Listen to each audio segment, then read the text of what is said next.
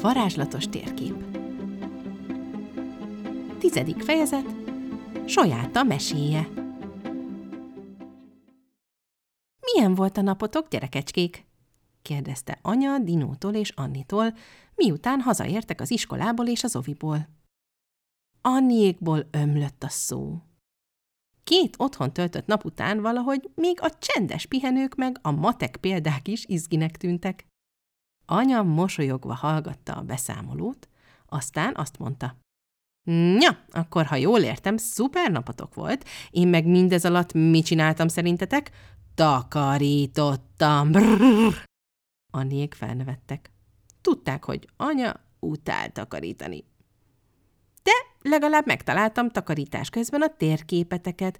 Ott feküdt az előszoba szekrény előtt. Felvittem a szobátokba, úgyhogy ott keressétek, jó? És kacsintott egyet. Dinónak egy pillanatra eszébe jutott, ha a térkép régen anyáé volt, akkor lehet, hogy ő is járt azokon a helyeken, ahová mentek Annival az elmúlt napokban? Lehet, hogy a térképpel titokban beszélget, amikor nincsenek itt? De aztán gyorsan lerázta magáról ezeket a gondolatokat, és futott Anni után fel a lépcsőn, be a gyerekszobába, majd egy jó nagy csattanással neki ment a nővérének, aki hirtelen megállt a szoba közepén, és leputtyant a földre. Áú, Anni, ezt miért csináltad? Görbült le Dino szája, Anni helyett viszont egy vidám, csengő kis hang válaszolt az egyik ágy irányából. Szerintem én leptem meg, ne haragudj! Dino kikukucskált Anni mögül, és egy manószerű valakit látott csücsülni az ágya tetején, a lábait himbálózva és integetve nekik. Anni felsegítette Dinót, valóban a Manó okozta meglepetés miatt állt meg hirtelen a futásból, és kíváncsian megkérdezte, hát te ki vagy? A manócska felpattant az ágyról, oda ment a két gyerekhez, és kezet nyújtott nekik. Sajáta vagyok, és tényleg sajnálom, hogy megijesztettelek benneteket, húzta meg bűnbánóan az egyik fülét, de remélem attól még örültök, hogy találkozunk, Azért jöttem, hogy elvigyelek titeket a Manó tanyai mese délutánra. Anninak és Dinónak felcsillantak a szemei. Mit mondtál, hova? kérdezte Dinó izgatottan. Sajáta felnevetett, és oda szögdécselt a térképhez, ami ott feküdt a gyerekek kisasztalán. Manótanyán laknak a manóták, és ma van a karácsonyi mese délutánunk. Gyertek, mindjárt indulhatunk, csak előtte hozzátok fel a kabátjaitokat, mert ilyenkor azért már csíp a december, borzongott össze sajáta. A gyerekek leszaladtak, gyorsan felkapták a kinti ruháikat, aztán visszatrappoltak a lépcsőn, és oda siettek a kisasztalhoz. Remek! Készen álltok? kérdezte Sojáta lelkesen, majd amikor Anniék bólintottak, tapsolt egyet, és széttárta a tenyereit. Anni és Dino ámulva figyelték, ahogyan szemük láttára elolvad a szobájuk, a falak, az ágyak, a bútorok, és helyette egy havas főtéren találták magukat. Tele sürgő, forgó manókkal, vagyis hogy manótákkal, javította ki saját magát Anni gondolatban, picike vásáros búdékkal és egy nagy, nagy karácsonyfával. Már sötét volt, de annyi gyertyával volt kivilágítva a tér, hogy akár délután is lehetett volna. Olyan, mintha egy mesekönyvben lennénk, sóhajtotta boldogan Dino. És igazi, fűszeres karácsony illat keringett a levegőben. Tetszik? Kérdezte kíváncsian sojáta, és boldogan füttyentett egyet, amikor a gyerekek hangosan helyeseltek. Akkor jó, gyertek, menjünk a kiskuckóba, ott lesz a mese délután. És oda mutatott egy kedves, szalmatetős vályokházra, ami ott állt a tér szélén, és nagy-nagy ablakain keresztül egész sereg játszó kismanótát lehetett látni. Amikor beléptek, Anni és Dino felakasztották a kabátjaikat, aztán követték sajátát a kiskuckó legnagyobb szobájába, ahová addigra a játszó kismanóták is összegyűltek. Mindenki leült a földre, és a kismanóták szülei, Saját a később elárult a dinóiknak, hogy mamótáknak és papótáknak hívják őket egymás közt, pogácsás kosárkákat meg csipke-bogyó szörpet adtak körbe. Amikor már mindenki csendben majszolgatott, megjelent egy őszhajú, nagyszakállú manóta, és leült egy karos székbe a kis manóták közé. Tomátapó! köszönt neki kórusban a sok cérna hangú kismanóta. Ő a legbölcsebb manóta egész manótanyán, sukta oda sajáta Anninak és Dinónak. Kicsit úgy néz ki, mint a Mikulás, nem? pusmogta Anni fülébe Dinó, de a nővére lepisszegte. Ss, most kezd olvasni! Tomátapó elővette egy nagyon öregnek tűnő könyvet, aztán a kismanótákra és Anniékra mosolygott. Nos tehát, gyerekek, készen álltok a karácsonyi mesénkre? Igen! hangzott mindenhonnan. Tomátapó felnevetett. Idén egy igazi különlegességet hoztam nektek. Egy olyan történetet, ami néhány esztendővel ezelőtt esett meg itt Manótanyán, és annyira csodálatos volt, hogy külön feljegyeztem ide a saját krónikás könyvünkbe. Itt felmutatta az öreg poros könyvet, amit a kezében tartott. De saját szüleiteket is megkérdezhetitek róla, ha hazamentek, mert lefogadom, hogy ők is emlékeznek még rá. A manóták és papóták összenéztek, sajáta pedig felnevetett. – Te is emlékszel még rá? kérdezte tágra nyílt szemekkel Dinó, sajáta meg rákacsintott, mindjárt meglátod. Tomátapó felnyitotta az öreg könyvet, és elkezdett olvasni. Egy boldog manótai vége felé, nem sokkal karácsony előtt, felmentem a manótanyai felhő toronyba, hogy megkérdezzem a felhőjósokat, havas karácsonyra készüljünk-e az idén. A felhőjósok megvizsgálták az egeket, aztán komor arccal leírtak valamit egy papírtekercsre, majd odaadták, és kitessékeltek a toronyból. Ahogy baktattam vissza a toronyból manótanyára, elővettem a papírtekercset, és elolvastam, mit írtak a jósok. A tekercsen ez állt. Vigyázz, apó! Hamarosan olyan jégpihék érkeznek, amiket nem látott Manótanya már sok-sok esztendeje.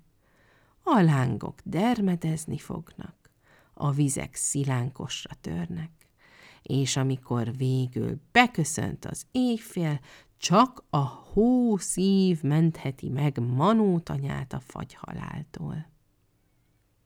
Elraktam a tekercset, és most már nem is a karácsonyon járt az eszem, hanem azon, vajon mi lehet az a hószív, és hogyan védekezünk majd az érkező fagy ellen.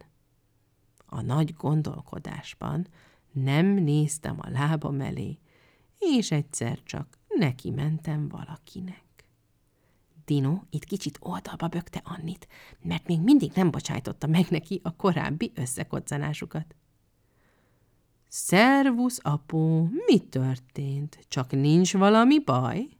kérdezte tőlem vidáman Sojáta, egy fiatal manóta, aki az öccsével lakott manótanya szélén. – Micsoda? Ez te voltál? kerekedtek el Anni szemei, és a többi kismanóta is egy percre mind feléjük fordultak. Látszott, hogy mindenki ismeri és szereti sajátát, aki most is jókedvűen integetett vissza mindenkinek, Anni kérdésére pedig biccentett egyet.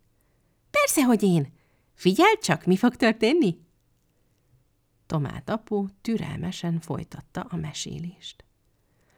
Elárultam sojátának, mit tudtam meg a felhőjósoktól, amitől neki is lelohadt kissé a jókedve.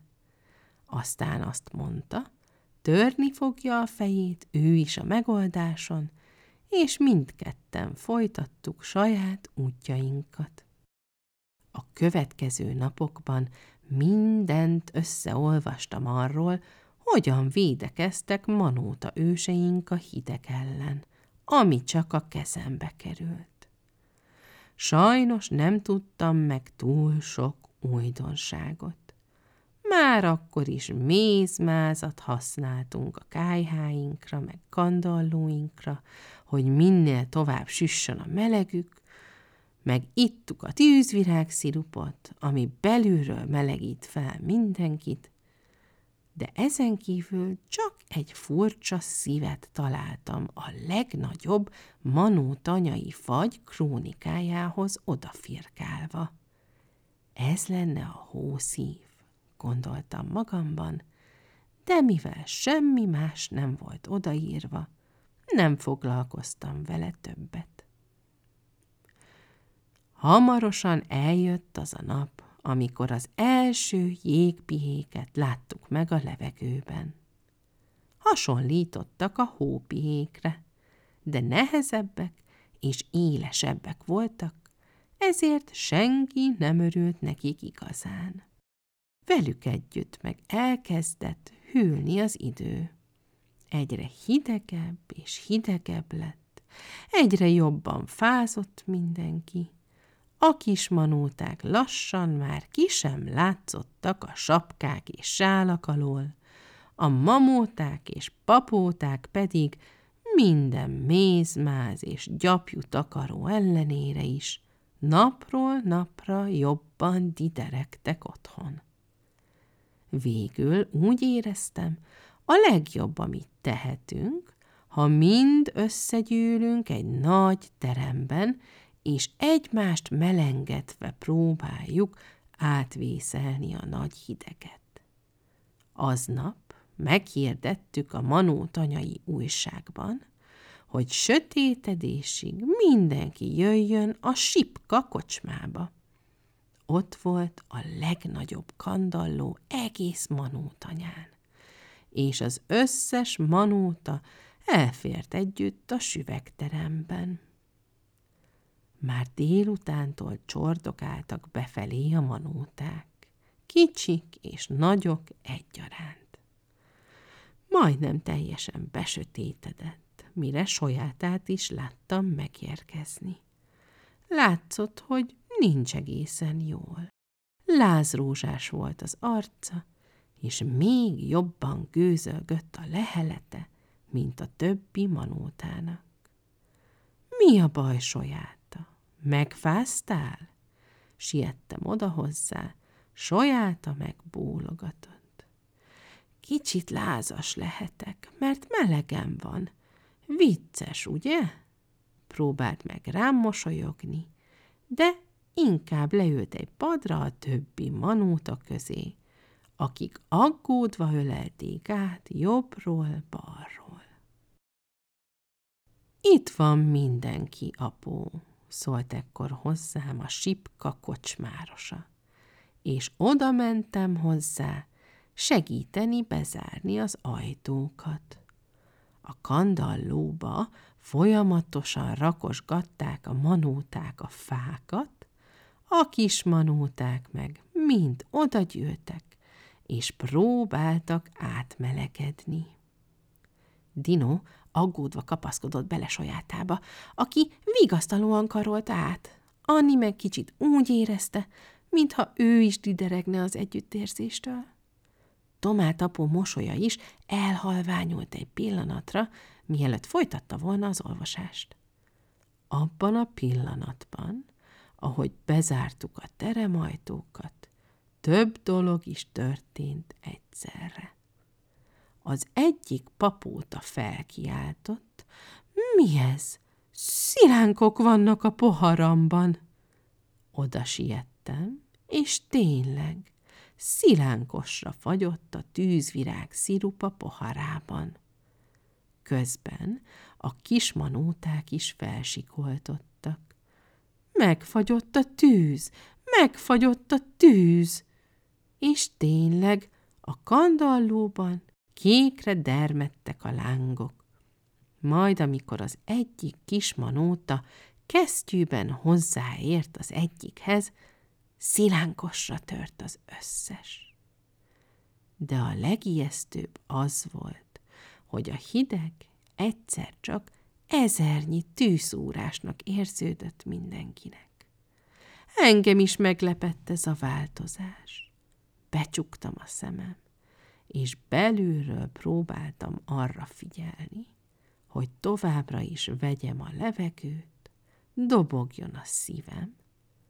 Aztán hirtelen új kiáltásokat hallottam, és felnéztem. Kiderült, hogy a padon kuporgó manóták kiáltottak. A lázas sajátát ugyanis úgy fűtötte a betegség, hogy elkezdte lehámozni magáról a kesztyűt, kabátot, sapkát, sálat. Hiába szenvedett mindenki körülötte a szúrós fagytól. A mellette ülő manóták kínjukban nem tudtak másra gondolni, mint hogy szorosan közrefogják, és saját testükkel védjék őt a hidegtől. Így Tomátapó abba hagyta az olvasást, és sajátára hunyorgott, aki pedig úgy folytatta a mesét, mintha ő olvasná fel éppen a könyvből. És nem sokára egy furcsa érzés kélt a körülöttem lévő manótákban, mintha ők is lázasak lennének. Elkezdtek ditergés helyett átmelegedni, felforrósodni, úgyhogy ők is levették a kabátjaikat, és Sojáta odabólintott Tomátapóhoz, aki folytatta. És belekapaszkodtak a távolabbi fagyoskodó manótákba, akik aztán szintén felforrósodtak, és így ment ez tovább, míg végül az összes manóta a süvegteremben szorosan összeállt, és együtt melegedtek, ringatóztak a süvöltő fagyban.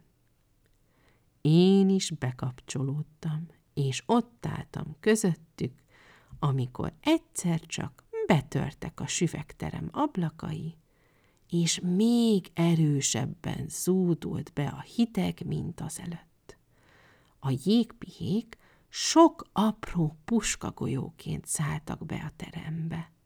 De amikor a közelünkbe értek, a belőlünk áradó, lüktető melegtől kedves, puha hópelyhekké változtak, és finoman ereszkedtek ránk. Ekkor jutottak eszembe megint a felhőjósok szavai. Csak a hószív mentheti meg manótanyát a fagyhaláltól. Ezt írták.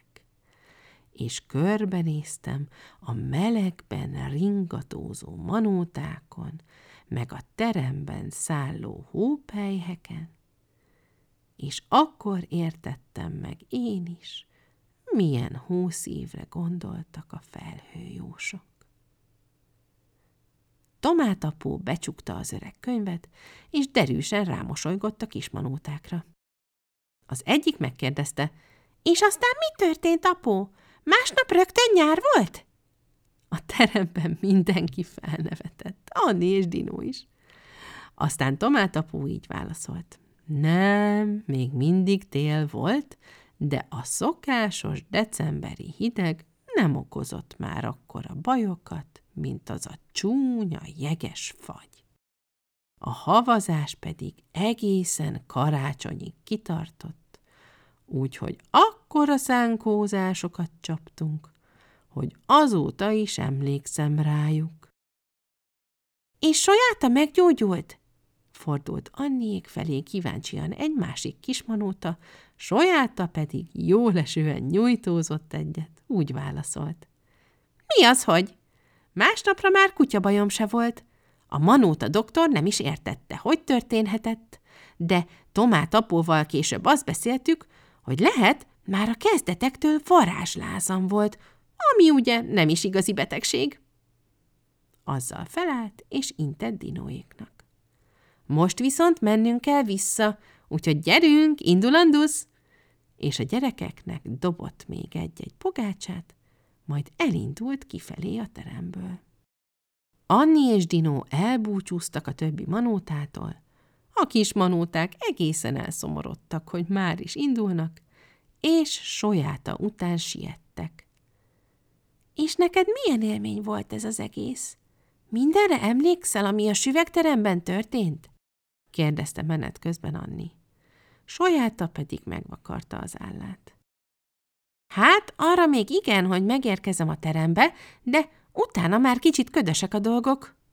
Vállat vont, úgy folytatta. Nem is baj.